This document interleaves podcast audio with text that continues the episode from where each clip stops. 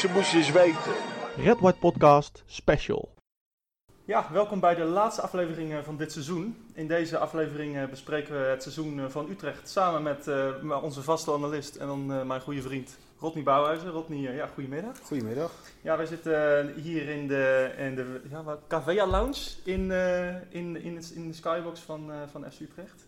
Mooie locatie. En we zitten samen met VI Watcher, nee, FC Utrecht Watcher en journalist van VI, Stef de Bond. Welkom Stef. Ja, dankjewel. Ja, uh, het is mooi weer uh, buiten, prachtige locatie hier. En uh, in deze uitzending gaan we in op het seizoen van, van FC Utrecht, 2018-2019. Veel gebeurd. we beginnen bij het begin. Jean-Paul de Jong die kreeg in de zomer ja, veel aanwinst erbij. Onder andere Simon Gustafsson, die kwam van Feyenoord. Nicolas Gavory kwam um, van, uit Frankrijk. Leon Guevara uit Duitsland. Timo Letchet, die uh, werd gehuurd van uh, Sassuolo. Uh, Babek, die werd vastgelegd vanuit, vanuit Paris Saint-Germain. En Emiel Bergström was eigenlijk ook wel een hele verrassende aanwinst. De verdediger van Ruben Kazan, die was transfervrij. die kwamen allemaal naar Utrecht. Stef, toen je al die aanwinsten zag binnenkomen bij, bij Utrecht, ja, wat dacht jij toen? Is er, was er een gedachte door je hoofd dat Utrecht misschien wel die derde plek kon aanvallen? Nou ja, het was wel een hele goede transferzomer op papier. Want ja, ik bedoel, het is natuurlijk alleen maar papier uh, wat je dan hebt.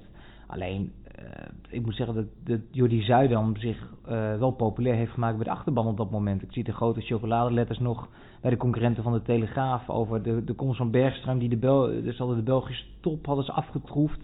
Nou ja, Babek op de laatste dag. Het, dat ging al niet meer door. Dat was al gecanceld. Wij hadden, ik, ik persoonlijk had al berichtje getikt van bij Utrecht gaat niks meer gebeuren. Transfermarkt zit dicht. Toen later kreeg ik een berichtje van, van Jordi, sorry, maar het gaat misschien toch nog lukken. En toen kwam, uh, toen kwam Babek binnen. Ja, en dan denk je wel van, uh, met de jongens die er al waren, van dat is wel een aardig elftal wat daar komt te staan. Dus nou, derde plek gaat misschien wat ver. Maar ik had wel zoiets van, je kan in ieder geval met Vitesse en misschien AZ meedoen dit jaar. Ja, ja nee zeker. Dat, dat, dat dachten wij denk ik ook. Uh, nou ja, vierde plek. We hadden natuurlijk wel eens uh, vierde plek gehaald tegen, uh, voor, voor AZ.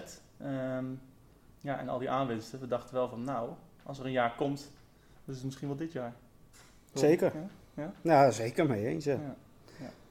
Dat werd ook van tevoren een beetje aangekondigd met, met zoveel aankopen. Van, nou, dan laat je wel zien van uh, je, je wil mee gaan doen voor die, uh, voor die uh, nou ja, eigenlijk plek 4, 5 het liefst. Maar sowieso de play-offs halen natuurlijk. ja. ja, de play-offs, dat, gingen we eigenlijk allemaal wel vanuit dat dat ging gebeuren, toch? Eigenlijk wel. Ja, ja, ja eigenlijk stiekem wel. Ja, ja. Uh, Utrecht begint het seizoen uh, met een, uh, een verliespot in, in Eindhoven. Het werd 4-0 daar. Vrij kansloos. daarna wint Utrecht thuis van PEC. En speelde twee keer gelijk tegen VVV en Fortuna. En na de wedstrijd tegen Fortuna wordt, um, wordt Jean-Paul de Jong ontslagen. daar hebben we met jou ook nog toen een keer over gezeten. Dat was wel een, ja, een bijzondere ja, move, maar ook wel een pijnlijke move voor, voor Frans van Zeumeren onder andere.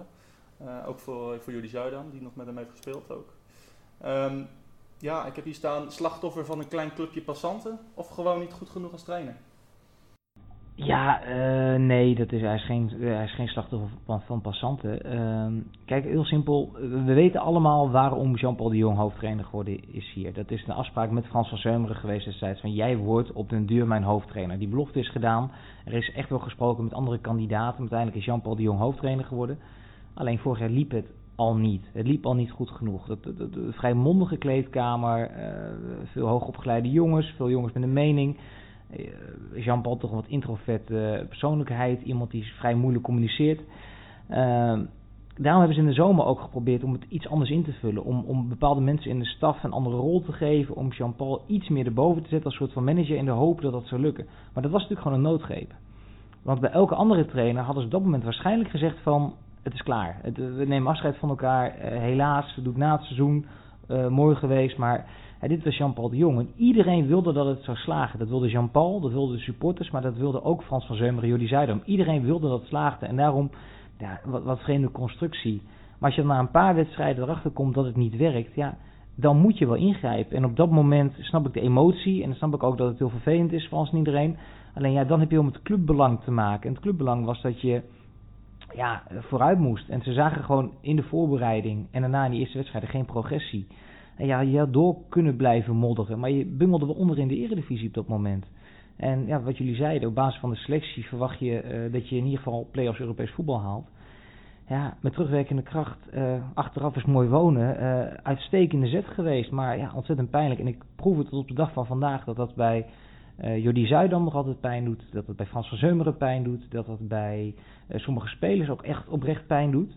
En ik ben vooral heel blij dat, dat Jean-Paul de Jong een nieuwe club heeft. Dus dat hij gewoon weer een kans krijgt in betaalde voetbal. Want hij heeft bij Eindhoven laten zien dat hij een goede trainer is, maar misschien niet voor het elftal en de selectie die FC Utrecht op dat moment. Ja, en het is een nadeel natuurlijk dat hij een echte clubman is.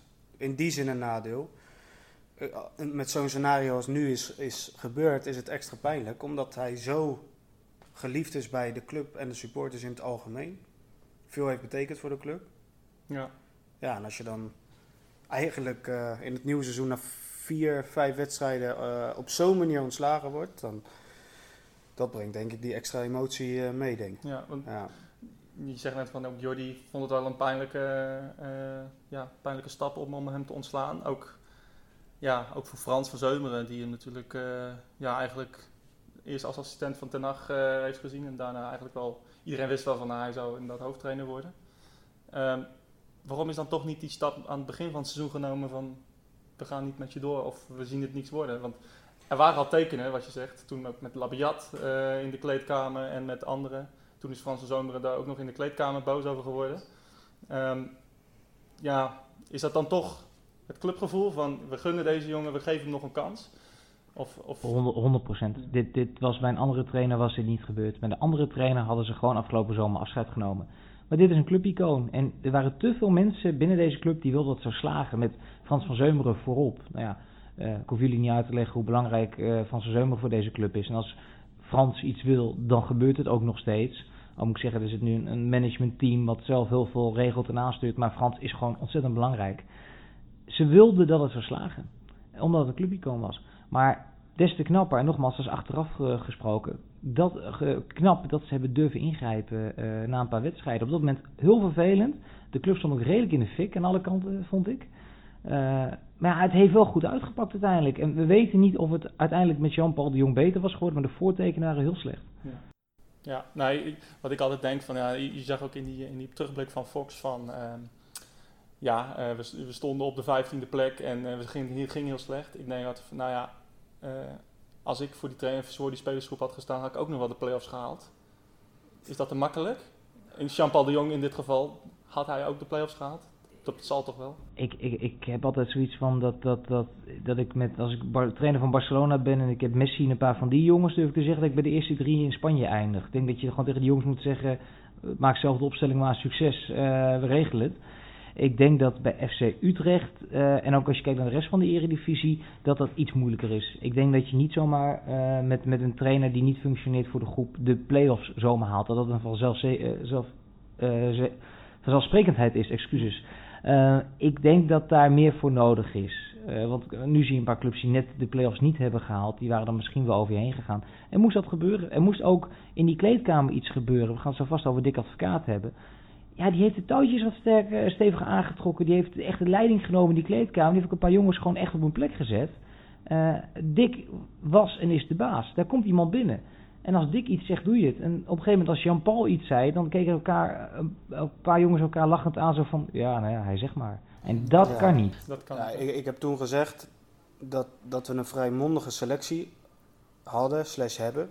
Uh, dat werd toen bij FC Afkikken, toen je daar zat, werd dat door Nieuw volgens mij een beetje tegengesproken. Van ja, dat, dat, volgens mij is dat niet zo. En, uh, maar uit jouw verhaal begrijp ik juist wel weer een beetje van, nou ja, um, dat de spelers meer, bijna meer te zeggen hadden dan op dat moment de trainer. En dat sinds advocaat binnenkwam dat het allemaal wel even rechtgezet zou gaan worden. Uh, kijk, je hoort heel veel nu over de spelers. Uh, wat je ook veel bij clubs hoort is dat de assistent zo enorm belangrijk is. Hè, zoals bij AZ nu met uh, Arne Slot. En ja, bij Utrecht had je, of heb je Kruis en Dijkhuizen. Ja, kijk, als, als Jean-Paul dan uh, ook vanuit hun twee de, de steun misschien niet volledig krijgt dan staat hij er echt alleen voor.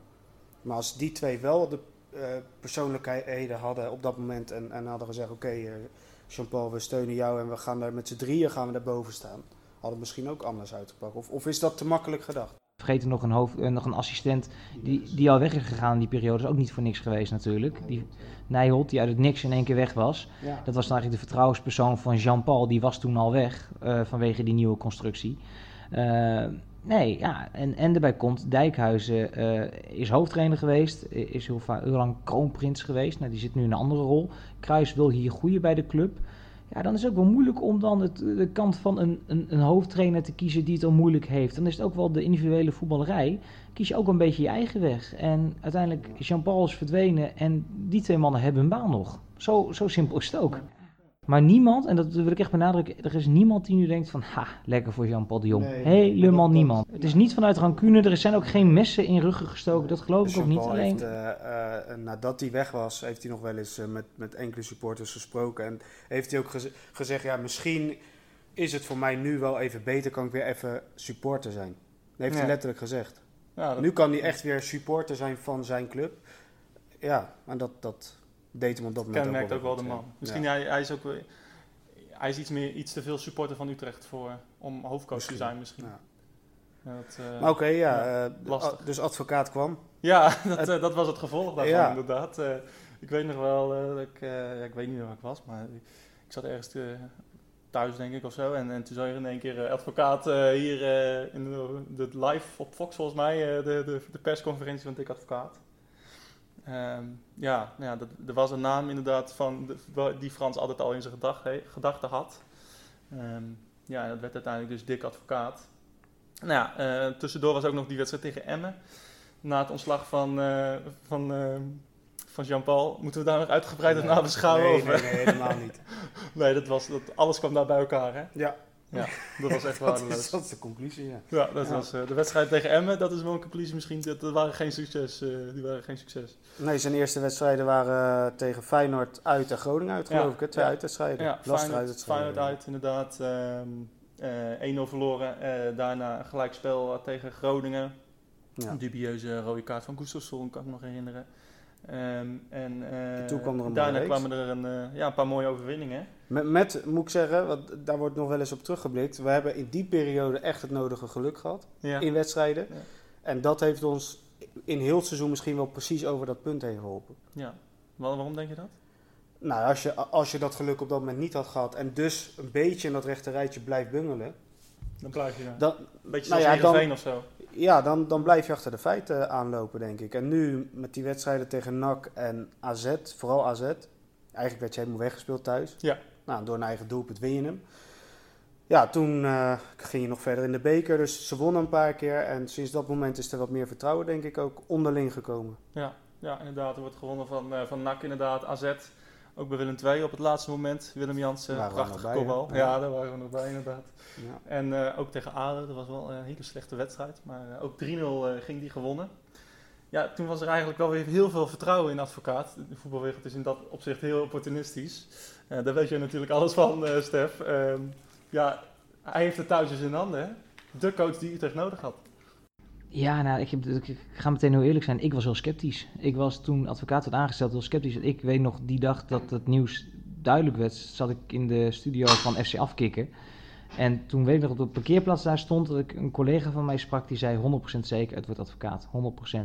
En ik echt dacht van ja, wat, wat, wat moet je nou met die man? Vorig jaar bij Sparta gezien, ik had gehoord hoe hij zich daar ook gedragen had, hoe hij daar, uh, ook, ook richting spelers, hoe hij ook spelers afmaakte. Uiteindelijk ook gewoon de prestaties. Ik denk, wat moet je daar nu mee? Maar ja, er kan wel iemand binnen. En uh, wat jij zegt, uh, dat op een gegeven moment ga je erin geloven. En dat is ook een beetje de kwaliteit van advocaat. Uh, hij, is, hij is zo lang zoekende geweest naar een manier van spelen. Want hij wilde eigenlijk nou, het woord kapstok spits kan ik niet meer horen, want hij heeft 28 eh, spitsen gebruikt. Hij was eerst heel verbaasd over dat er een middenvelder van de streek in de spits stond. Uiteindelijk heeft hij het zelf ook nog gedaan, want, hij, hij, want uh, hij, hij, begreep er niks van, maar uiteindelijk kwam hij er zelf ook uit. En 4-4-2, 4-3-3, zoeken, zoeken. Maar hij gaf wel duidelijkheid. Er kwam meer een soort van basis uh, elf. Ik bedoel, er waren een stuk of 8, 9 jongens redelijk zeker van hun plek. De manier van trainen, dat soort zaken. En wat je zegt, en dat, dat punt waar ze even overheen moesten, was ook een moment dat advocaat zijn trucjes gebruikt. Dat was in de periode, had hij één of twee keer had hij aanvaring gehad met de VAR. Nou, toen heeft hij die VAR zo ontzettend afgemaakt overal waar hij kan. Begin hij met iedereen ruzie maken. Dat de eerste, de volgende twee, drie keer de VAR in het voordeel van Utrecht was. Want dat, dat is advocaat ook. Die loopt zo lang mee. Die weet, oké, als ik nu zo lang blijf klagen dat wij de VAR altijd tegen hebben. De volgende keer, de, ik, heb, ik was op die vierde man uh, staan letten langs de zijkant. Dat zijn, dat zijn vaak van die jochies van, van 2023. Ja, doodsbenauwd, er staat advocaat achter ze te voeteren. Dus op een gegeven moment begon het, ook dat soort dingen begon een beetje richting Utrecht te vallen. Waar dat in het begin van het seizoen natuurlijk niet zo was. Nou ja, en de resultaten werden beter. Nou ja, dat is inderdaad, dan kom je uiteindelijk kom je, komen in de Polonaise terecht. En dan kijk je naar de ranglijst. En dan hoor ik uh, Timo Lesje te zeggen van, nou, wij kunnen wel derde worden dit seizoen. En wat dacht je toen? Ik dacht dat kan, want Feyenoord was echt aan een hele zwakke serie bezig. En ik was niet kapot van Vitesse. Uh, ik vond wel dat AZ meer kwaliteit had, maar die liet het ook niet altijd zien. Maar ja, je moet ook weer niet meteen doorstaan. Want ik bedoel, als je nadenkt over de selectie die je hebt, oké.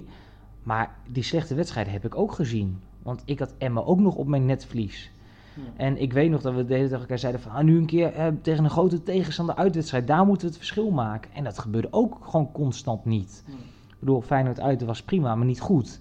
En, en ik had zoiets van, wees nou heel blij waar je nu staat en hoe, hoe de resultaten nu vallen. En ga gewoon voor die play-offs. Maar intern is er toen best wel gesproken over plek 4 en op sommige momenten zelfs over plek 3, weet ik. Nou ja, dat is natuurlijk ook het optimisme inderdaad. Ja, nee, nee, zeker. Ja. Maar wij, wij, wij, volgen de club al lang, hè? En wij hebben wel um, geleerd als we één ding niet moeten doen, dan is het praten over plek 3 en plek 4. Nee, op het moment dat dat ter sprake vaak komt, dus hè, als er een goede reeks is en, en je ziet ineens die plaats 3 en 4 in, uh, uh, in het zicht. Uh, wanneer mensen er ook echt in gaan geloven en gaan praten van hé, hey, dat kunnen we halen, dan gaat het geit mis. Dan gaat het mis, ja.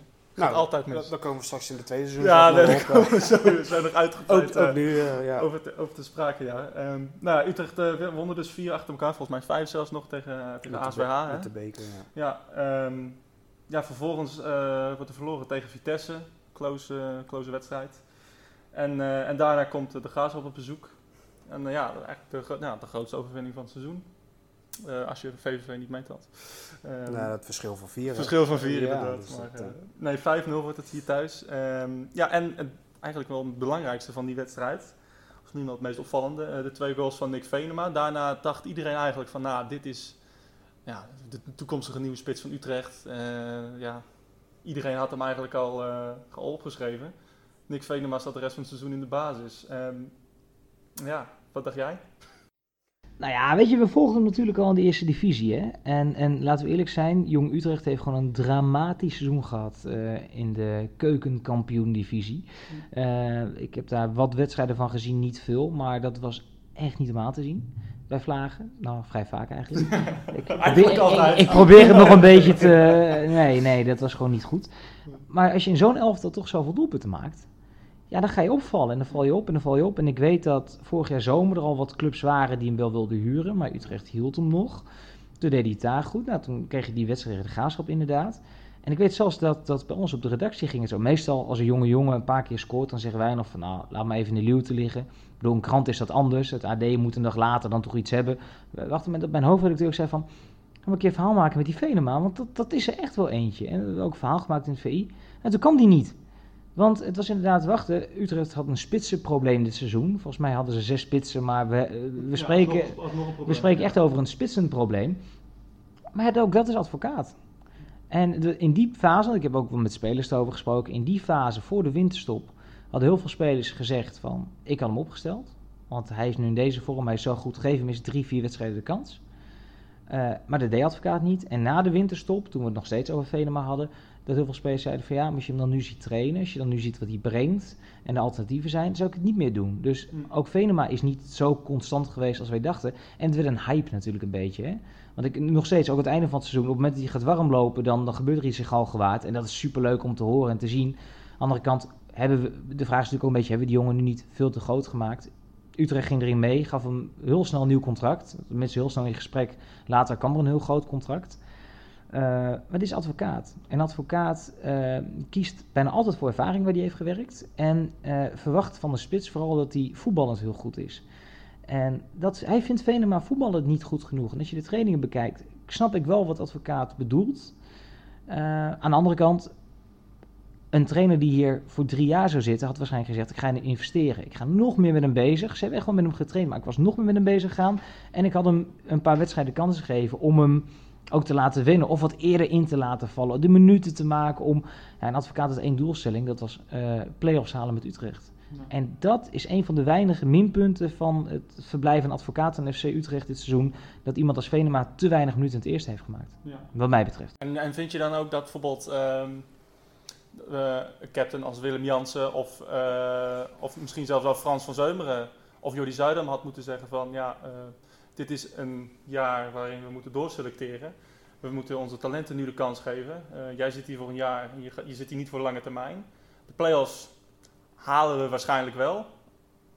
Moet, had, iemand moeten zeggen van geef hem de kans? Oh, maar er is, er is hoe dan ook tegen en met uh, Dick Advocaat gesproken. Vergis je niet, uh, Jordi Zuidam spreekt op dagelijkse basis met de trainer. En op maandag na het weekend wordt er altijd geëvalueerd. Dat gebeurt altijd. Alleen, wel, dit is Dick Advocaat. Bij 99% van de trainers in de eredivisie had ik je gelijk gegeven. En dan was dat waarschijnlijk ook gebeurd. Maar dit is advocaat. En bij advocaat is het, het het, het, is mijn manier of niet. Op het moment dat je dik advocaat tegen gaat spreken, als je zegt van jij moet nu bij wijze van spreken Nick Venema opstellen, ja, dan leeft hij dezelfde dag zijn trainingspak nog in. Dan had hij, had hij niet eens deze kant op. Sterker nog, het werkt averechts. Ik denk als jij heel lang gaat pushen bij hem, je moet Venema opstellen. Want wij vanuit Junaille hebben die vraag ook vaak gesteld dan heb je bijna het idee dat hij gaat pesten door hem niet op te stellen. Ja, of dat, of, of dat hij hem opstelt precies uh, tegen Ajax uh, of, of AZ uit, weet je, dat soort wedstrijden. Ja. Die gevoelen ja. dus hebben we ook wel een beetje gehad, dat, dat de momenten dat hij wel de kans kreeg, waren juist in de wedstrijd dat eigenlijk helemaal geen zin had. ja, dat kan hij zeggen, dat zie je wel. Ja. ja. Nee, en, en, en, nogmaals, dat ze advocaat niet bewust doen, en advocaat ziet ook echt wel dat die jongen potentie heeft, maar hij vond hem nog te licht voor dit jaar. En advocaat had één doel, dat was play-offs halen. En ja, onderaan de streep, uh, hij, heeft gelijk gehad. Jullie hebben Europees voetbal. En uh, Venema zit er nog steeds, heeft een doorlopend contract. Ja, en die krijgt gewoon een hele belangrijke voorbereiding, denk ik. Wat, wat AZ heeft gedaan met, uh, met Freddy Druijf, hè, die, heeft, die hebben hem verhuurd een, een half jaar aan, aan NEC. Ja, het is nu achteraf praten. kijk, hij heeft in de tweede seizoenshelft nou, amper minuten gemaakt. Ja, verloren, verloren jaar? Verloren, verloren half jaar misschien Nooit een verloren half jaar, maar hij heeft heel veel meegetraind met het eerste elftal. Hij heeft, hij heeft getraind. Op het trainingsveld staat hij wel tegenover uh, Jans en Letchet. Ja. Die minuten, die, die, die pakt niemand hem af. Dat, hij wordt daar beter, hij traint daar. Hij heeft zijn wedstrijden gemaakt, ook nog in de, in de belofte. Uh, maar, ook achteraf makkelijk praten. Uh, met de kennis van nu had ik hem ook verhuurd. Ja. Uh, alleen dan, dan krijg je weer de vraag, waar moet je hem aan verhuren? Moet je hem dan aan de top eerste divisie of onderkant eredivisie doen. Ik heb toevallig van de week met Druif gezeten. Die kon naar de onderkant eredivisie, maar die wilde bij een club spelen waar gevoetbald werd. Dus die koos voor NEC. Ook niet de beste keus, maar uh, hij heeft ook gesproken met Twente en met Sparta. Stel je voor dat Venema nu een halfjaartje bij, uh, bij Twente of Sparta had gespeeld. Ja, dat was wel interessant geweest. Ja. En nu, het nieuwe seizoen? Wat zou je hem, uh, wat zou je hem eerst de voorbereiding met Utrecht meedoen en daarna afwachten? Kijken wat John van der Brom zegt? Voorbereiding wordt cruciaal. Al denk ik dat we niet raar op moeten kijken als we zo meteen aan het einde van de voorbereiding uit augustus zeggen van laat je alsjeblieft een jaar verhuren en ga ergens gewoon 30 tot 34 wedstrijden spelen. Ik denk ook dat dat En niet bij Jong Utrecht, echt bij een club nee, ik, waar ik denk die dat supporters hij, heeft. En, ik denk uh, dat hij naar een club als ADO, VVV, Emmen, uh, dat hij daar gaat spelen. Ja. Dat denk ik echt. Ik word blij, ik word blij maar, dat je ADO zegt. Ja, dan speelt hij gelijk tegen ons. ja. Nee, maar uh, um, ik, ja, ik weet ook dat John van der Bom die gaat de eerste twee, drie weken uh, flink uh, kijken op trainingen en wedstrijden welke spelers die wel of niet kan gaan gebruiken. Dus ja. ik verwacht eigenlijk ook dat in de eerste weken weinig gaat gebeuren qua uitgaande transfers. En dat het daarna... dat het daarna losgaat? Ja, nou ja, ik denk wel dat er echt, echt nog wel aardig wat spelers verhuurd of misschien verkocht bij goede interesse gaan worden. Ja. Maar goed, daar komen we straks op. Daar, uh, daarvoor zitten we ook met jou, ja. Stef. we, wa we, waren geloof ik bij de Graafschap gebleven ja. met Venema. Ja, nee, dat was, dat was 5-0. Dat was een, een. Nou, dan ga je richting de winter stoppen. Ja, dat, dat lijkt het wel op, ja. Um, ja, misschien wel de meest rare wedstrijd van het seizoen was misschien wel Excelsior uit. Ik weet nog dat we daar op voorbeschouwden in de podcast. Nou, jij zei van, nou ja, je hoeft niet heel veel te doen om Excelsior op de nul te houden. Nou, Binnen een half uur was het 3-0. Ja, Dankjewel. Ja, dat was... Dankjewel Rodney ja, daarvoor. Ja. Zak er even naast. Ja, ja en nou ja, dat, dat werd uiteindelijk nog 3-3. eigenlijk had Utrecht die eigenlijk makkelijk kunnen winnen. Maar nou ja, het, het, spel hield niet over. Um, Heracles thuis was de volgende. die werd Daar kwamen we binnen, drie, binnen een half uur met 3-0 voor. Ja. en die overwinning, ja, dat was een lekker ook. daarna Herenveen, ook de eerste helft, dat was misschien wel de beste helft van het seizoen, vond ik. Van, in ieder geval van de eerste seizoenshelft. Echt, het voetbal zag, ja, was perfect. Gustafsson, lopende mannen. En Tanane scoren. En Tanane scoren. Ja, dat, Is, dat is al... ja, ik weet nog dat wij een, een, wetenschap hadden gemaakt van als Tanane een hat scoort, dat ik een tattoo zou nemen. Ja. Dus ik zat hem toch wel in de rust, zat ik hem toch wel een klein beetje te knijpen. Ja, ja, um, maar uh, nee, hij, hij, heeft het bij, bij Engel heeft hij het gelaten en een aantal assists. Uh, daarna wordt er nog verloren tegen Feyenoord in de beker en, uh, en Ajax, uit, of ja. Ajax thuis wordt hier ook uh, verloren. vooral vooral die, in, die be in de beker, die wedstrijd, was ik wel heel teleurgesteld over hoe ze voor de dag kwamen. Ja, was dat... Zijn ze niet één keer ook maar een minuut in de wedstrijd geweest? Nee, behalve eigenlijk de laatste vijf minuten. Ja, maar dat, Toen ze had het al 5-6-0 moeten staan. Ja, het, was vooral, het was vooral hoe je aan die wedstrijd begon. Want er zat heel veel in die, en op die wedstrijd had ook advocaat was heel erg teleurgesteld. Want die heeft echt zijn elftal van tevoren gezegd van jongens, als wij wat willen, als wij meer willen dan plek 6, zullen we maar zeggen, dan is dit de dag. Dan gaan we nu laten zien hoe ver we zijn. Nou, je had die resultaten van die weken ervoor. Dat was wel de wedstrijd waar advocaat ook zijn elftal wilde zien. Waarvan die dacht van, wij kunnen dit Feyenoord aan. En er zat helemaal niks in die avond in de Kuip. Van begin tot eind heb ik niet één keer het idee van... Uh, nou ja, wat je zegt, natuurlijk op het eind mag je nog hopen, maar eigenlijk... eigenlijk... Maar tegen een Feyenoord op dat moment ook niet rijden, hè? Dus dat was wel een moment geweest om het te doen. En dan had je dat ook nog mee kunnen nemen. Dat was dat, een hele grote teleurstelling. Terwijl normaal bij Feyenoord mag je verliezen. Maar het was de manier waarop en ook het momentum. Dat had je uh, extra stap in het seizoen kunnen zijn. Daar ben ik van overtuigd. En dat had iedereen hier. Ja. ja, het leeft heel erg die wedstrijd, weet Zeker, ja. Er waren 1200 man, hè. We waren er uh, twee van. Nou, de beker leeft überhaupt, maar zeker omdat je op dat moment wel het idee had... Eh, als je ze kan verslaan, is het nu. En als je ze verslaat, dan kun je nog wel eens een heel leuk bekerseizoen... Uh. Ja. Maar oké. nou, ik kan me herinneren ook dat Feyenoord die zondag daarvoor uh, verloren had van, van Fortuna. Ja. Het was natuurlijk niet heel erg positief voor Utrecht wat dat betreft. Ja, dat, werd, dat werd ja, twee kanten op natuurlijk. maar... Ehm, nou, die, wedstrijd, die wedstrijd daarna tegen Ajax was, was gewoon verdiend. Kon je, kon je weinig, ik denk dat je daar weinig in kan. Uh, nee, we hadden. Gewoon 3-1 verloren, ja. Ja, dat was, die waren veel beter. Ja, eigenlijk. Die waren veel beter. Ja. En, nou, ze waren wel beter dan andere teams ook in de Eredivisie. Uiteindelijk, ja, 28 punten. Dat klinkt eigenlijk niet zo heel veel na 17 wedstrijden. Maar ja, wel vierde plek.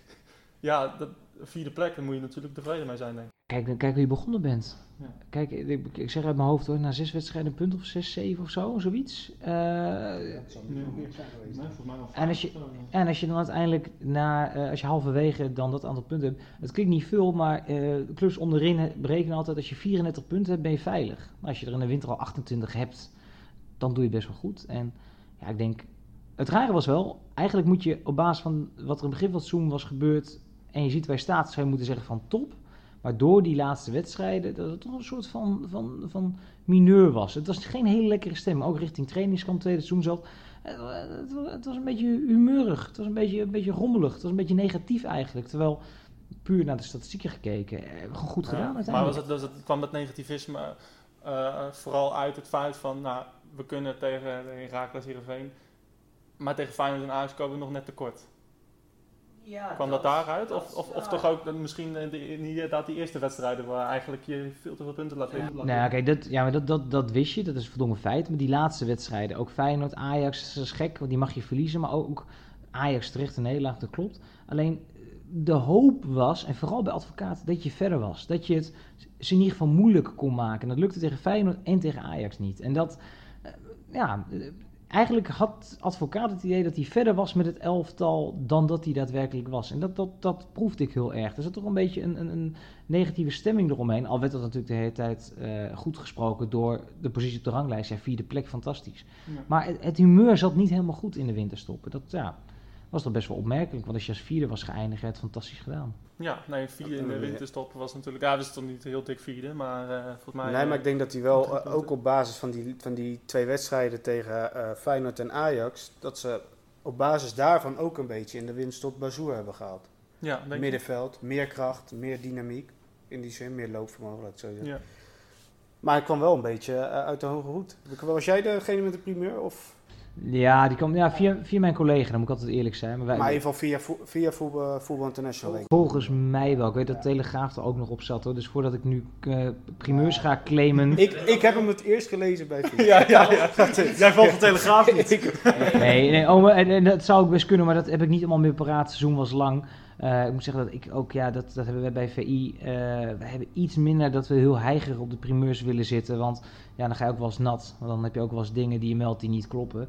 Uh, tegenwoordig, jullie weten nog waar je het vandaan hebt. De gemiddelde voetbalfan wil gewoon weten hoe het zit. En of dat dan uiteindelijk bij AD, Telegraaf, VI, daar maakt me niet zo uit. Maar het was wel een verrassing. Eerlijk is eerlijk. Ik zag hem op voorhand ook niet aankomen. ik was een beetje het oog verloren Bazoer. Ja, iedereen denk ik. Ik vond de reacties ook niet heel positief in het Utrechtse op het moment dat hij gepresenteerd werd. Hmm, nee, dat, ja, ik, dat heb ik niet zo meegekregen. Nou ja, ik, ik weet wel waar het vandaan kwam, omdat het om huur ging. En, ja. en er zijn gewoon veel mensen, uh, om bepaalde redenen ook wel terecht denk ik, wat tegen huur. Want zonder optie tot koop ook nog eens. Ja. Waardoor je iemand binnenhaalt, wel van een vrij grote naam vind ik, hè, Bazoer. Een paar jaar geleden had je nooit kunnen denken dat hij hier zou gaan spelen. Nee. Maar ja, oké, na een half jaar is hij weg en zie je hem niet meer terug. Ja, optie tot koop ging gewoon niet, omdat nee, die jongen dermate een groot contract heeft. Ja, je, je, je, kan hem, je kan de transfersom mooi betalen van die jongen, dus ja, het heeft geen zin. Maar ik denk dat daaruit een, beetje het negatieve voortkomt van ja, ja, leuk, maar... En Ajax? Dat sentiment, dat dat nog? Volgens mij is dat Nou ja, als ik voor mezelf mag spreken, of voor ons misschien zelfs, voor, voor, voor, mij niet, maar... Nee, maar dat, heeft wel, dat was bij Sikovic ook niet volgens mij. En nee. uh, ja, bij, bij die er misschien aan gaat komen, geloof ik dat ook niet. Dat, ja, ik hoor, ik hoor het ook niet eerlijk gezegd. Nee, nee. volgens mij is het... Ik, ik, vind ook, ja. ja. ik vind het ook een beetje... Ja, het is een beetje, het slaat eigenlijk helemaal nergens op. Nee, dus... Uh, nee. Oké, nou ja. Maar ja, Michiel Kramer daarentegen. die kwam wel, voordat we daarover beginnen. Utrecht, uh, ja, die ging naar uh, La Manga uh, in Spanje. Dat is eigenlijk voor het eerst sinds Ten Hag weg was. Dat Utrecht volgens mij naar het buitenland ging. Volgens mij bij Ten Hag altijd in, uh, is, is Den altijd in Nederland gebleven. Maar Utrecht ging, uh, die zocht de zon op in, uh, in La Manga. Ja, eigenlijk ook weer het trainingskamp van Nick Venema. Die alle Utrechtse goals voor zijn rekening nam. Ehm, nou ja, positief. Alleen Utrecht kwam heel slecht uit die, uit die winterstop. Werd verloren tegen AZ, kansloos. thuis tegen Willem II, dat was ook een hele slechte wedstrijd. En nou ja, als we het over rare wedstrijden hebben, daar uh, valt PEC uit ook wel uh, onder. Uh, nou, over emoties gesproken. Ja, daar kan je denk ik wel een half uur op nabeschouwen wat daar allemaal gebeurde. De rode kaart van Emanuelson, het, het, het vaargebaar van advocaat, de, de, de penalties, de vaarmomenten, de, de 4-3 op het laatst, de geweldige goal van Baarbek. Ja, ik wil zeggen, ook wel precies zo'n wedstrijd waarin je de kwaliteit die Baarbek wel in zich heeft, wel eruit zag komen. Ja, Ja, alleen ja, onvoldoende nog gezien, in, over het hele seizoen gezien. Nee, inderdaad. Dat was inderdaad een bizarre wedstrijd. En nou, eigenlijk was Utrecht best wel weer down. Uh, maar die wedstrijd tegen PEC, dat was eigenlijk het beginpunt van een hele sterke reeks.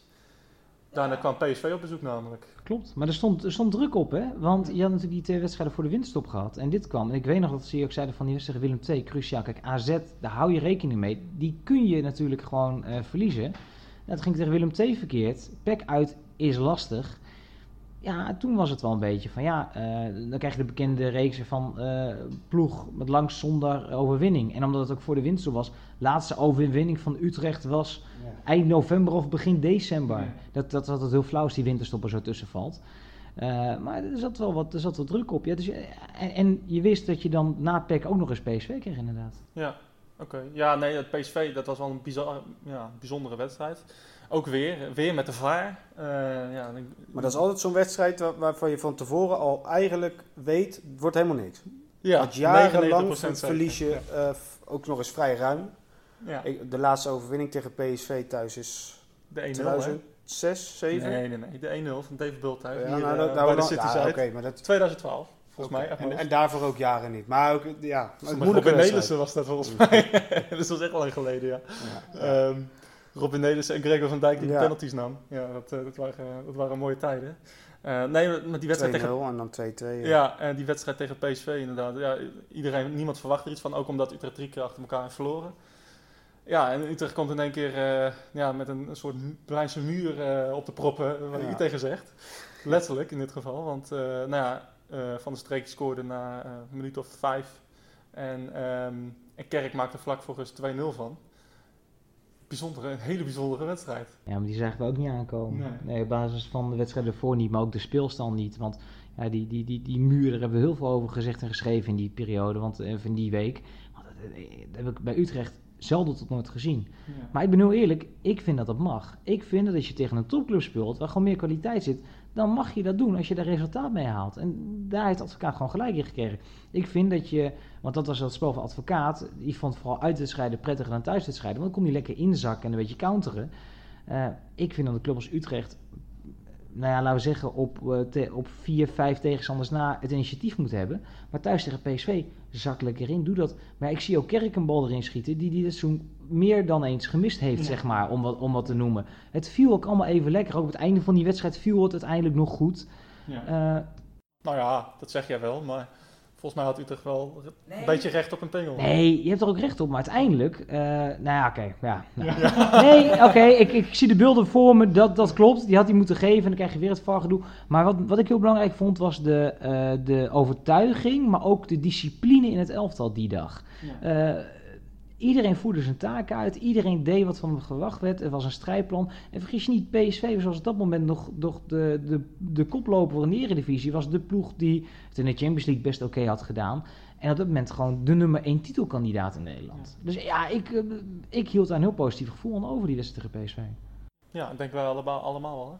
Ja, en, en door dat resultaat, uh, want daarna weet ik uit mijn hoofd nog dat we naar de graafschap moesten uit. Ja die stonden op dat moment laatste. Ja, ene laatste misschien wel. Ja, maar in ieder geval, het was echt zo'n wedstrijd. Ja, die, die moest je, kost wat kost, moest je die winnen. Ja. En toch kwam die weer met half met die muur aan. Ja, ja, ja. Weet ik nog wel. Maar goed, gelukkig, uh, door die penalty won je hem. Ja. Uh, Graafschap uit, leukste uitwedstrijd? Van qua seizoen? Qua omstandigheden, nou nee, uiteindelijk niet. Maar qua, nou, omsta qua omstandigheden uh, van tevoren naar dat café en met die supporters. Dat je vrij mag rondlopen richting het stadion zoals je het eigenlijk hoopt altijd te kunnen doen. Zoals het hoort, ja. Uh, maar ja, dat, dat is daar wel mooi. Ja. Dat, is, uh, dat, dat, gaan we wel missen, toch? Ik vind het ook dat, dat, dat, stadion, de sfeer, nou wat voor jullie betreft inderdaad, dat, dat cafeetje daar net bij het stadion. Waar ja, het heeft gewoon wat. En die mensen zijn ook aardig tegen je daar in de omgeving. Gewoon normaal met elkaar omgaan en gewoon lekker van een voetbalwedstrijdje genieten. Maar... Jij, hebt, jij hebt toch ook in Engeland de 92 bezocht? Ja, ik heb uh, alle 92 ja, ja, ja, gedaan. Ben ik zo'n stukje Ja, dat weet ik, dat weet ik. Ja, ja. Maar dus je houdt wel van de mooie stadion. Ja, nee, maar dat is toch het mooiste wat er is. Dat is toch, nou, heel eerlijk, bedoel, wij, wij zitten hier nu uh, op de vijfde verdieping van Galgenwaard. Ik, ik ben in mijn leven al uh, nou ja, 50, 100 keer bij Utrecht geweest. Maar ik vind het toch mooi om even weer hier naar buiten te kijken. Op dat veld en die tribunes en wat nu verbouwd wordt. Moest je net roepen om hier te komen ja, maar, nee, ja, nee, maar, dat, maar als je dat niet meer hebt, moet je ook een ander vak gaan kiezen. Ik bedoel, dat, die liefde voor een mooi voetbalstadion. En dat, dat jullie hebben gewoon geluk. Jullie hebben gewoon echt een mooi voetbalstadion. Dat, dat, dat heeft iets. Dat, dat, dat roept iets op. En ik kan als supporter kan ik me heel verplaatsen in word je in een bus gestopt of in een, in een vak gestopt en mag je er niet uit? Of kun je gewoon lekker een biertje drinken, naar het stadion lopen en... Ja, uh, ja dat, het, het is, een, het is je, je, je, misschien wel je mooiste moment van de week voor sommigen. Ja. En dat, dat moet dan toch ook een beetje zo zijn. Ik, ja. we, we, we, kregen net al, en daar gaan we niet te lang over hebben, want uh, competitieschema, zondagavond 8 uur voetballen. Mijn eerste reactie daarop is ook van, stel dat je een uitwedstrijd hebt en je, was avonds, uh, je moet ergens heen, je wil een biertje drinken en je moet op maandagochtend weer werken. Dat is mijn eerste reactie erop van, dat hoort niet. Voetbal moet op zondagmiddag of zaterdagavond. En, en maar ja, andere discussie. Andere discussie, voor een andere tijd. We zaten bij de graafschap. We zaten bij de graafschap en we komen uit bij het conceptschema van Ja, zo zie je maar. Zo, gaat het hier uh, met, ons, uh, met ons drieën. Nou, nee, dan, uh, dan, heb je een hele goede reeks, hè? Tot, ja. tot een bepaalde wedstrijd die niemand meer gaat vergeten de komende jaren. Nee, inderdaad. Ehm, uh, nou, de graafschap wordt dus gewonnen. Uh, Excelsior, uh, nou ja, ongeveer 48 schoten op doel. Ja, was gewoon een goede wedstrijd. Nou, dat ben ik niet met je eens. Maar... Nou, ja, dat waren we toen ook al niet. Maar ik vond dat gewoon een goede wedstrijd, vooral de tweede helft. Welk kamp zit jij, Stef? Ja, ik vind een goede wedstrijd vind ik te veel van het goede, maar dat je hem ook moet winnen overduidelijk. Ja. Dat, dat, dat, nou, je, je, je, laat zeggen, normaliter maak je de 4 of 5 die, die wedstrijd. Ja, ja. ja. Het, het, het, viel niet die avond. Nee. Um, Herakles uit, dat was wel een, uh, ook een bijzondere Daar, daar vielen ze juist allemaal weer Daar vielen ze allemaal wel, ja. ja. Uh, een rode kaart en twee uh, penalties. Die ja. overigens niet werden gezien door scheidsrechter Christian Baks. Ehm, maar dat werd, dat werd 5-1 in Herak, bij Herakles. En, en tussen die wedstrijden door werd, werd John van der Brom officieel benoemd tot, tot trainer voor, voor het volgende seizoen, voor het komende seizoen. Ja, het was al eigenlijk al een beetje duidelijk. Hè? toen eigenlijk ook al bij die wedstrijd tegen AZ uh, toen dacht je van, nou ja, hij zit eigenlijk nu op een, uh, ja, op een wat moet hij nou doen? Uh, nou ja, John van der Brom werd uiteindelijk benoemd. Uitstekende keus. Ja, op basis van verleden cv wel. Maar dat bedoelde net als... Stel me deze vraag overigens nog een keer, dan kan ik je antwoord geven. Op dit moment lijkt dat een fantastische keuze. Ik ken, uh, Van der Brom nog van Vitesse. Uh, kijk naar zijn cv. Hij heeft overal gepresteerd. Heeft overal geleverd. Vaak ook met goed voetbal. Wil jonge talenten een kans geven. Wat ook niet onbelangrijk is bij Utrecht. Uh, ja, alleen ja, het moet wel passen. Hè? Je, moet, je karakter moet passen bij de club. de selectie moet passen bij de trainer. Dat lijkt allemaal goed, maar dat, daar moet achter komen. En dat toen naar buiten kwam. Ja, ik weet dat Van der Brom al in de periode dat Jean-Paul de Jong werd aangesteld een optie was. En ze hadden hem ook best uh, toen Jean-Paul wegging willen aanstellen, maar toen zat hij nog bij AZ vast. Dus ja, dit, uh, maar ik moet zeggen, heel snel en heel goed gehandeld. En ik dacht zelf ook oprecht dat Van der Brom na een goede periode bij AZ misschien weer een stapje naar buitenland zou gaan maken. Dus het verbaasde me ergens ook wel weer dat hij ervoor koos om naar een vergelijkbare club als AZ te gaan. Want uh, ja, sterker nog, AZ heeft meer middelen dan Utrecht. Dus eigenlijk zou je het op basis daarvan zeggen, zelfs een stap terug. Maar schijnbaar heeft hij, ziet hij echt mogelijkheden hier. Um, en ja, Utrecht had dat toen graag wat, wat beter en mooier willen regelen. Die hadden hem graag willen uh, presenteren, had iets willen doen. Maar AZ is daar toen voor gaan liggen. Dus het was een beetje raar. Het was wel bekend. We mochten er niet naar vragen als Junaille, want het moest over AZ gaan en hier over Utrecht gaan. Uh, maar ik weet ook dat in die periode daarna er heel veel contact is geweest. Van der Brom heeft met, heel veel met Zuidam gesproken natuurlijk, maar ook met assistenten. Heeft met bepaalde spelers in de selectie gesproken de, de afgelopen maanden. Uh, focus volledig op AZ. Ook geen moment verslapt daar, dat geloof ik ook niet. Maar hij is er wel achter de schermen bezig geweest met goh, volgend seizoen FC Utrecht. Dus ja, dat vind ik een goed teken. Ja, zeker. Hij, uh, nou ja, ik weet nog dat wij bij de kerstborrel bij FC Afkikken waren. Ja. En uh, nou, jij was zeer positief. Ik had nog wel een, een jaartje door willen gaan met, met advocaat. Toen. Dat, die mening van mij is overigens nu helemaal veranderd. Um, maar ja, Van de Brom ik, ik zei toen een beetje lulletje rozenwater. Dat, dat sta ik nu niet meer achter, achter die woorden. Maar... Nou, die komt niet meer in de podcast. Nee, nee. nee maar um, ja, je kan alles van hem zeggen, maar hij, is wel een goede trainer. Hij zet het wel ja. neer. Ja, klopt. Ook qua jeugd. Hij, hij, wat Stef zegt, hij presteert waar hij komt. Ja. En uh, uh, de, vaak zijn, uh, of is de media heel lyrisch over zijn speelstijl bij AZ, bewierookt. Toen bij ADO, toen die Europees hadden. Uh, bij Vitesse natuurlijk goed gepresteerd. Ja, dus wat dat betreft binnen Nederland heeft hij het sowieso al wel waargemaakt. Ja. En ik denk dat wij van geluk mogen spreken dat, uh, dat we zo'n traject met hem uh, ingaan. Ja, goede tijden komen er weer aan voor Utrecht. En weer een, ik denk ook weer een stap dat vooruit. Dat hopen we, ja. Nou ja, ten opzichte van, van, van Jean-Paul de Jong en advocaat is een stap vooruit. En wel belangrijk bij Van der Brom is altijd zijn zijn assistenten. Hij, uh, het, is, het is meer een manager. Uh, advocaat Petrovic zat er heel kort bovenop, deed heel veel zelf. Van der Brom gaat heel veel aan zijn assistenten overlaten. Dat, bij AZ heeft Arne Slot op een gegeven moment ook heel veel naar zich toe getrokken. Uh, dan kun je zeggen van, is Van der Brom dan geen goede trainer? Of moet je zeggen dat hij juist een hele goede trainer is, omdat hij de kwaliteiten van zijn omgeving ziet? Nou, ik denk het laatste. Nou, het is ook niet voor niks dat, dat haar ook naar, naar Utrecht toe komt. Nou ja, je gaat verder met met Kruis, wat ja, in potentie toch iemand is die ik hier ooit nog wel een keer, of Jong Utrecht, of misschien, je moet oppassen naar Jean-Paul de Jong nog wel een keer uh, als hoofdtrainer zie, je weet het niet. Wij kijken ook eraan. ja, ja. Die heeft in ieder geval geen toezegging, weet ik. Die heeft geen nee. belofte gekregen. Nou, dan heb je Dijkhuizen nog. Dus ja, ik denk dat je een fantastische staf hebt voor komend seizoen. Dus ik denk, ja, uh, betere tijden. De, de basisingrediënten zijn er. Benoeming van John van der Brom, een uh, positief ja, punt na een, na een paar slechte wedstrijden. Um, en die, en die, en die reeks naar Heracles die wordt doorgezet. Hè. Eerst nog gelijk spelletje tegen Groningen. Uh, nou, dat was eigenlijk een niet-zeggende wedstrijd. Uh, daarna wordt NAC uh, met 4-0 opgerold. En, ehm, en eigenlijk de mooiste wedstrijd van het seizoen misschien wel. thuiswedstrijd tegen Feyenoord. Na, twee weken na de, de aanslag in Utrecht. Ja, mooiste wedstrijd van het seizoen. Ik denk dat we daar allebei allemaal in mee eens zijn. Ja, zonder twijfel. Ja, ja wel kippenvel. Heel speciaal. Ja. Was er geen, geen beste wedstrijd, denk ik. Maar... Nee, helemaal niet. Maar dus dat, dat, het had zo moeten zijn op die dag. Ja. Dat, uh... Had jij dat gevoel ook? Ja.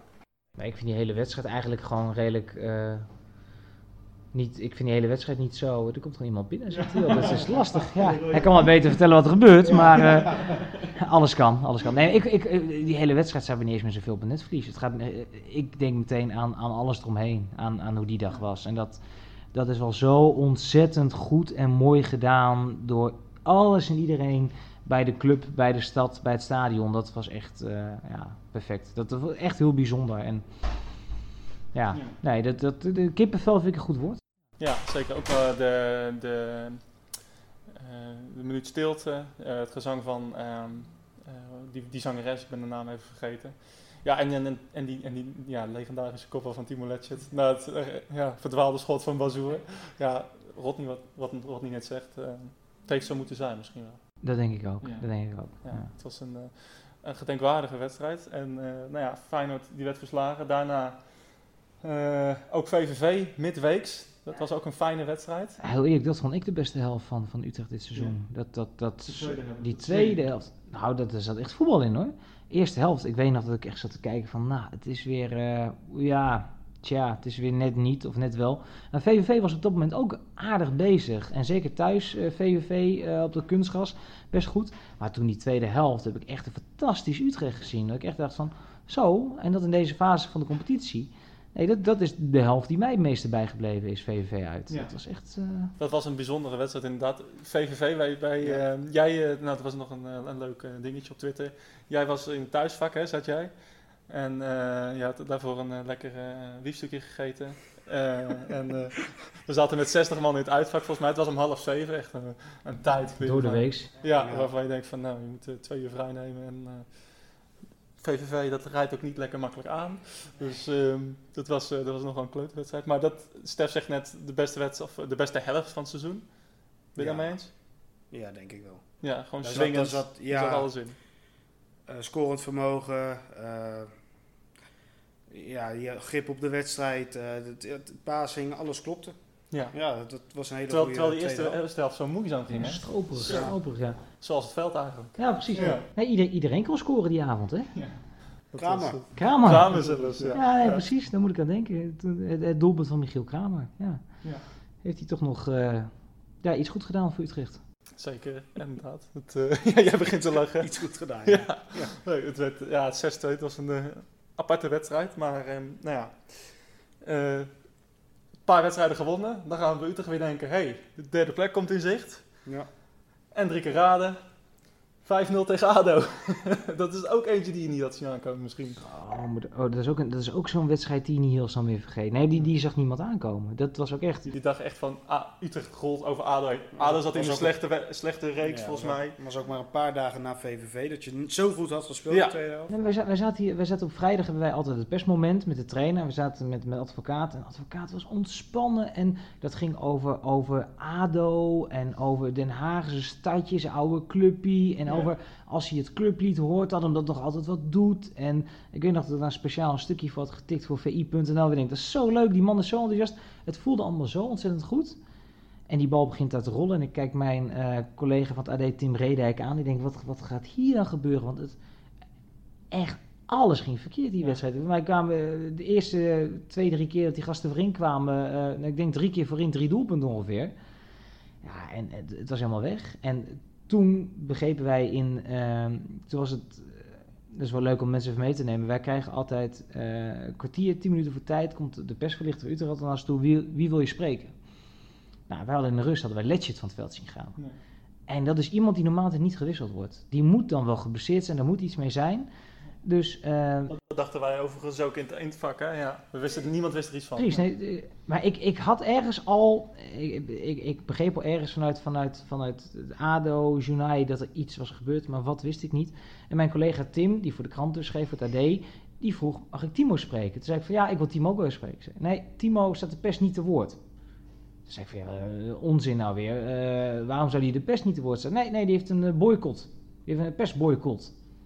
En wat een onzin. Ja, en, en toen, toen kwam het hele circus op gang. En toen weet ik nog dat ik daar in de catacombe stond. Toen zag ik hem daar in de vensterbank zitten aan de achterkant. Ja, foto, ja en dat, dat hij daar zat. En eerst eh, stond, uh, stond Zuidom erbij. En later stond Rick Kruijsen nog bij. En ja, al die spelers naar ons toe kwamen. Dat de spelers ook echt zeiden van ja... Uh, op een gegeven moment keer die spelers ook een beetje. Met sommigen heb je een beter, want sommigen minder. Ook zeiden van ja laat de trainer alsjeblieft zomaar zeggen wat er gebeurd is. Want wij, wij kunnen dit echt niet kwijt. Maar er was dus gewoon gedonder geweest. Een advocaat die zei niet heel veel meer dan dat, uh, dan dat er in de kleedkamer wat was gebeurd en dat hij het teamproces had ondermijnd.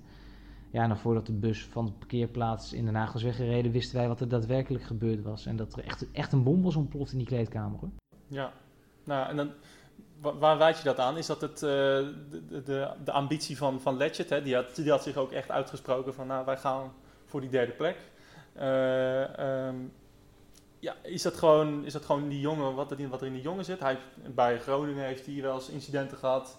Bij Roda meen ik ook eh, dat hij... Uh, overal. Ja, dat hij eigenlijk zijn hele carrière heeft hij wel... Uh, ja, is het wel een, een, een, bom die op uitbarsten staat. Is dat dan gewoon... Was, hij, was het, ja, gewoon het, het, ontplofte. Hij kon er gewoon niet tegen dat het zo slecht ging. Ja, een combinatie van die factoren. Kijk, hij, hij, die, die, die jongen wil presteren. Allereerst, die jongen komt terug van een zware blessure was helemaal niet 100% fit nog dit seizoen. Hè? Die heeft nog steeds met wat hamstring dingetjes gezeten. Extra getraind, extra verzorgd om te kunnen spelen. Om zijn eigen carrière weer een boost te geven. Uh, dat, dat, dat, speelt mee, wilde presteren met, met Utrecht. En het is een jongen die ook redelijk slecht tegen zijn verlies kan. Nou, dat ging natuurlijk helemaal verkeerd daar. En die van de kleedkamer heeft hij daar de waarheid verteld. Alleen niet alleen richting zijn medespelers, maar ook richting advocaat en Petrovic. En dat, dat, dat ontplofte. En die jongen heeft een kort lontje. En dat zit in hem. En dat is waarom we allemaal van hem houden als voetballer. Waarom we hem hier in het veld willen hebben. Want het is een strijder. Het is iemand die voorop gaat. Iemand die. Daar worden, soms worden elf van hebben. Want als je elf legend hebt, word je nooit van het veld gespeeld. Want dat laat hij niet toe. Maar dit ging te ver. En zeker in de discussie die hij met Petrovic kwam. En wat mij op dat moment erg opviel. Was ook, je kijkt ook altijd een beetje naar hoe het zit in de kleedkamer wat er daadwerkelijk was gebeurd, lekte uit vanuit de kleedkamer. Er was een speler in de kleedkamer die dit nieuws naar buiten bracht. Terwijl afgesproken was, mond dicht, vertellen we niet. Ja. Want ik had was, was dat onbedoeld? Nee, dit was een hele bewuste actie van iemand. En, uh, want er werd in eerste instantie, dacht, dacht Letje dat uh, mensen op de gang wat hadden gehoord in de, in de rust. Maar het was gewoon een speler die wat had gelekt. En ik had later ook nog contact met spelers in de bus.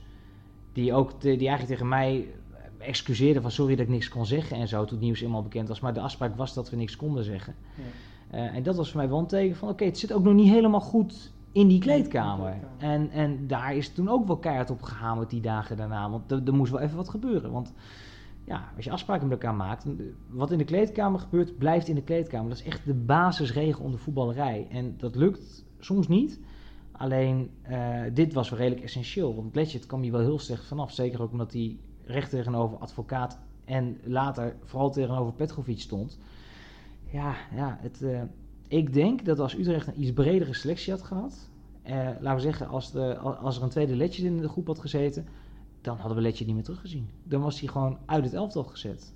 Want net, zo, net, zoals Tanane. Net als Tanane. En normaal, heel eerlijk, had dat ook moeten gebeuren. Alleen advocaat, wat we eerder zeiden, is voor het resultaat gegaan. En die heeft ervoor gekozen om uh, te presteren. Maar als je Letchit ook de laatste weken, maanden hebt gezien, uh, met zijn blessure en daarvoor en daarna, uh, was niet meer de oude Letchit. Ook niet meer hoe die met ons sprak, ook niet meer hoe die op het trainingsveld stond. Uh, die, die had al redelijk afscheid genomen. Dat, dat, dat was onder het mom van, we moeten Europees voetbal halen, houden we hem erbij. Ja. Dat is, me, is me trouwens ook verteld vanuit de, vanuit de kleedkamer hoor, want dit, dit was ook gewoon een noodverbandje. Ja, een noodverbandje. Nou, ik ben nog dat wij het over hadden en bij ons was ook de discussie van, nou ja, kan je zo'n bepalend iemand als Letchet, kan je die, um, ja, kan je die wegsturen? Kijk, hij, hij, hij, heeft geen eh, contract bij Utrecht. Uh, we verdienen er geen geld aan. Sterker nog, het kost ons alleen maar geld, alleen maar salaris in, in dit geval. En moet je, moet je dan die keus nemen? Wij, wat, wat, was onze mening toen? Kan je dat nog herinneren? Um, nou, die van Barry en mij was uh, dat je hetzelfde moet behandelen als Tanane. En niet moet gaan kijken, oké, okay, mochten we niet zo heel erg op dat moment. Dus die willen we graag weg hebben. En Letchet die vinden we wel uh, ja, een leuke vent voor de rest. Dus ja, die moeten we dan maar houden. Het is wel Nou, gelijke toch... monniken, gelijke koppen. Alleen, wij wisten niet wat er precies 100% heeft afgespeeld. Je bent er niet bij geweest. En dat is het moeilijke met oordelen op, op zo'n gebied. Ja. Uh, we waren wel heel blij dat hij mocht blijven. Ook vanwege de breedte van de selectie. Want ja, als hij weg zou gaan, heb je toch een probleem. Op dat moment. Want Bergström was zeker nog niet fit op dat moment. Uh, ja, Goed, je zal het ook niet weten. Ja, kijk, we zijn, we zijn, heel veel in de discussie gekomen van uh, wat er met Tanaan is gebeurd. Als op een gegeven moment redelijk naar buiten gekomen met, met Jean Kleiber, met, met op het trainingsveld en na de kleedkamer. Uh, die was wat fysieker in wat hij gedaan had. Ja. Die, uh, ik, ik, iedereen heeft mij bezworen, ik was er ook niet bij, maar iedereen heeft mij bezworen. En ik heb inmiddels wel 10, 12 mensen over dit incident gesproken, on the record en off the record, dat Letchet fysiek niks gedaan heeft. Dan kun je zeggen, daar zit een verschil in. Alleen ik ken advocaat en ik ken Petrovic. Uh, dat zijn karakterjongens. Dat zijn mannen die niet over zich heen laten lopen. En zeker niet in een volle kleedkamer. Dus normaliter hadden die het nooit over een kant laten gaan. Hadden ze nooit zo snel gezegd van kom maar weer terug. Bij komt ook nog dat Letje niet met de pers mocht praten. En dat hij een dag later met de Telegraaf op het strand uh, ergens liep. En daar vertelde hoe erg hij het allemaal vond. Ook niet erg lekker viel binnen de club. Want het was gewoon een afspraak dat hij zijn mond zou houden. En toch moest hij dan weer zo nodig met zijn verhaal naar buiten komen. In elke andere situatie was dit uh, onder advocaat exit uh, legit geweest. Maar dit, uh, ja, er is gekozen voor, voor het seizoen. En ook daarvoor geldt weer achteraf, kunnen we zeggen, het is goed gegaan. Maar dat ook andersom kunnen gaan. Dat in de kleedkamer jongens hadden gedacht van ja, als jullie hier niet tegen optreden, als jullie dit toestaan, wie is dan de baas in de kleedkamer? Dan krijg je een beetje Jean-Paul de Jong effect. Wie is dan de baas? Ja. En daar, daar, hebben ze heel erg mee geworsteld. Eh, het had ook zomaar op dat moment gewoon over kunnen zijn met het seizoen. Daar heb ik best wel rekening mee gehouden. Daar was ik bang voor. Ja, nou ja, dat, dat leek er ook wel even op. Want nou ja, tegen Vitesse werd, uh, ja, was eigenlijk uh, een 0-0 uh, ja, die eigenlijk, eigenlijk een hele saaie wedstrijd was. Um, daarna ja, tegen Emmen, dat vond ik de slechtste wedstrijd van het seizoen. Ik vond, ja, ADO was 5-0. Maar dan ben je toch nog een half uur ben lekker thuis. Emmen, dat is echt heel ver. Ik was er met 10 minuten thuis. ja, jij woonde mee natuurlijk. Maar uh, nee, Emmen, dat was... Dat, daar keek ik echt naar uit. En dat was zo'n teleurstelling. Geen kans gehad. Ja, eentje met Kerk. Maar als ik hem heel kort, want we zullen er niet te lang bij gaan stilstaan, ook vanwege de tijd. Maar als ik er heel kort terug mag blikken. Ik weet nog wat toen de opstelling bekend werd. Uh, en ik Kerk er niet in zag staan. Dat ik vanaf dat moment al gelijk wist dat het niks zou worden. Ja dat, vond ik zo, dat, dat vond ik zo'n grote fout op, op kunstgras met een verdediging van Emma wat niet um, bulk van kwaliteit, laat het voorzichtig zeggen. Ja, dan moet je een kerk er altijd in hebben staan. Ja. Weet je, je kan zeggen, ja, Verpruts kans, hij is wel ongelukkig, maar er kwam altijd gevaar vanaf. En altijd twee verdedigers die op hem staan. Nou, en je zag ook, het liep totaal niet en hij komt erin. En je creëert ineens een legio een kans in de tweede helft. Ja, ja legio. Nou, wat meer kansen. Ja. Je hebt best wel wat kansen gehad, de tweede helft. Eh, geval, het, had, het had niet terecht geweest als je daar een punt had gepakt, laat nee, dat duidelijk zijn. Nee, nee, het was een, uh, een, waardeloze wedstrijd. was heel slecht. Uh, een van die momenten waarvan je denkt van... Ik sta hier in het 75e minuut in het uitvak in Emmen. Wat doe ik met mijn leven? Zo'n zo moment. Waarom ik ben ik in het bitterbalvak. Ja, jij zat nog wel gezellig uh, tussen de Emmenaren. Ik, uh, ik zat in het uitvak echt te denken van, was ik lekker thuis gebleven? Biertje was mooi weer. Maar uh, nee, het, uh, het, was geen, uh, geen succesvolle wedstrijd. Um, ja, daarna midweekse wedstrijd tegen Fortuna. Hele, hele, hele slechte wedstrijd was dat. Wordt wel gewonnen. na, daarna Ajax verloren. De play-offs waren al binnen. Heerenveen daarna nog 3-1. Um, ehm, dat is de wedstrijd van Dessers geworden uiteindelijk. In de zin van, toen kwam hij erin en hij is er ook eigenlijk niet meer uitgegaan. Hij is er niet meer uitgegaan. Hè. eigenlijk, dat was vlak na zijn interview. Ja, die, Heerenveen, uh, die wedstrijd tegen Heerenveen was eigenlijk ook eigenlijk heel slecht. Uh, er was eigenlijk geen vertrouwen in de play-offs. Ik weet nog dat ik op Twitter las van, nou ja, we kunnen maar beter niet meedoen. Ja.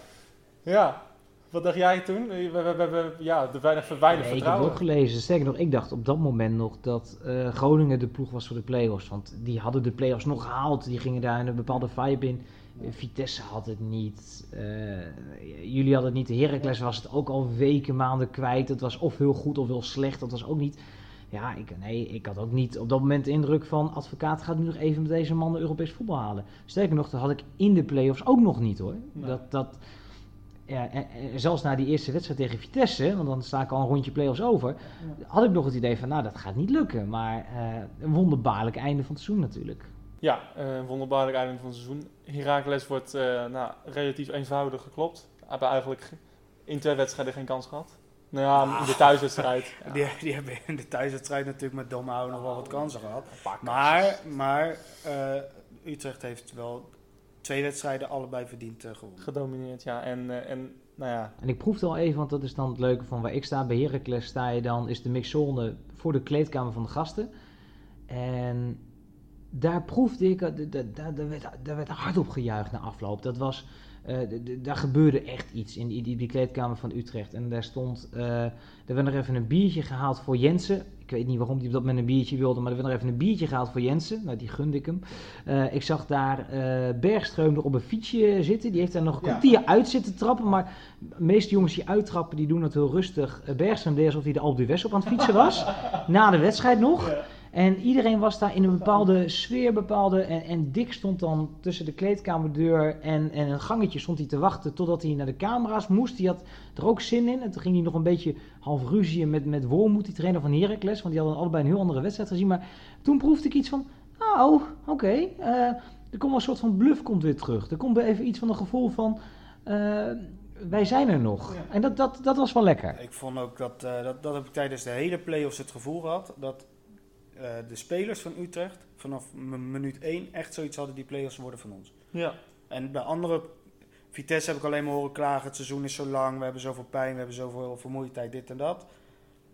Ja, de, het, het, leek alleen bij Utrecht echt zoiets van, oké, hoe dan ook, het wordt van ons. Maar advocaat koos er ook heel bewust voor, die heeft ook gezegd van, ik heb nu alleen maar jongens nodig die er staan. Die de zin, die, de, die zin hebben, die staan. En heeft hij ook wel keuzes in gemaakt. Heeft bepaalde jongens die al dan niet fit waren, heeft hij ook gewoon buiten gelaten.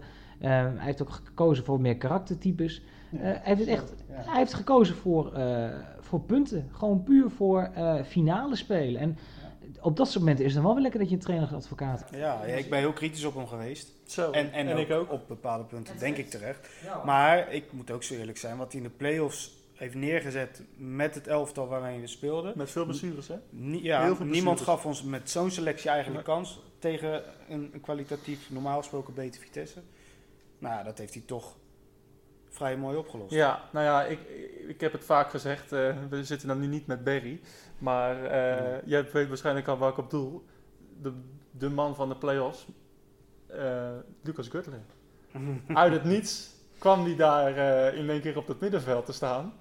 En hij speelde de sterren van de hemel. De, de, de, middenvelder die Utrecht eigenlijk, wat ik denk, in Basel had willen zien. Mee, verdedigen, ballen oprapen voor Gustafsson, uh, het vuile werk opknappen voor, voor Gustafsson. Um, en aanvallend, ik heb hem steekballen zien geven. Op Kluiver, ik heb hem meters zien maken. Uh, maar ook uh, overtredingen uitlokken en lekker naar de grond gaan en slimmigheid. Het was geweldig. ja, het, het, een beetje het verhaal van die jongen is een beetje, uh, sinds hij terug is, is hij de, echt de, de 12e, 13e, 14e man. En hij wordt gebruikt, want dan, ik heb hem dit in de spits zien opduiken en ik heb hem ongeveer op de back zien spelen. Ja, precies. Maar uh, nee, hij, hij, hij gaf wel dat wat op dat moment nodig was. En dat, dat was wel heel tekenend voor, voor Utrecht. En, ik, ik, dacht bij de man van de, van de play-offs dat je dan nog, nog uh, van mij Pardesses zou noemen. Of je zou nog uh, zeggen dat ik op vakantie was. Maar uh, ja, daar was ik er bang voor. Maar nee, maar, maar zonder gekheid. het waren wel andere jongens dan van wie je het verwachtte inderdaad. Ja. ik weet dat ik de, de, opstelling voor het heenduel met Vitesse zag. Ik dacht van nou bij de terugwedstrijd gaat Dick waarschijnlijk shoppen bij tweede. Want hij heeft echt niks meer over. En het paste en het klopte. En Vitesse was natuurlijk ook niet veel meer. Maar ja, zolang daar nog een Eudegaard rondloopt, heel eerlijk, dat was ook mijn eh, voorafgaand eraan, was dat mijn uh, ja, vooruitblik eigenlijk. Ja.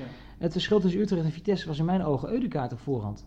Ja. Ik denk, beide ploegen zijn moe, beide ploegen niet in beste vorm. Individuele klasse. Maar er is één speler die er bovenuit steekt, dat is Eudegaard. Maar dat heeft dus een jongen als Geudelaar heeft eigenlijk nog meer het verschil kunnen maken dan de Eudegaard. En dat is wel echt een compliment waard. En, en, en Vitesse heeft in twee wedstrijden eigenlijk geen kans gecreëerd.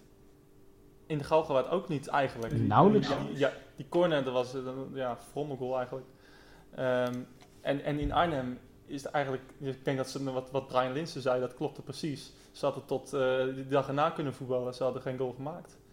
Het zat, het, met Bergström en Jansen staat het geweldig op slot. Ja, wat ook, ook een complete disqualificatie is voor de trainer van Vitesse. Dat als je dat materiaal hebt, dat je zo weinig creëert hoor. Want uh, daar, zat, daar zit veel meer in dan wat daar uitkwam. Maar complimenten aan Utrecht, want dat, het, het, het zat dicht. En we zullen het zo meteen al wel hebben, ik denk in deel 2, want we, ik weet niet, de 24 uur met wordt het inmiddels, maar uh, uh, zomergasten. Uh, nee, maar, maar um, over, over Bergstreum, dat is ook wel het moment dat daar iets gebeurd is. En dat is richting komend seizoen met Willem Jansen ontzettend interessant. Ik denk dat dat, dat echt een, een, een, ook een soort van ommekeer is.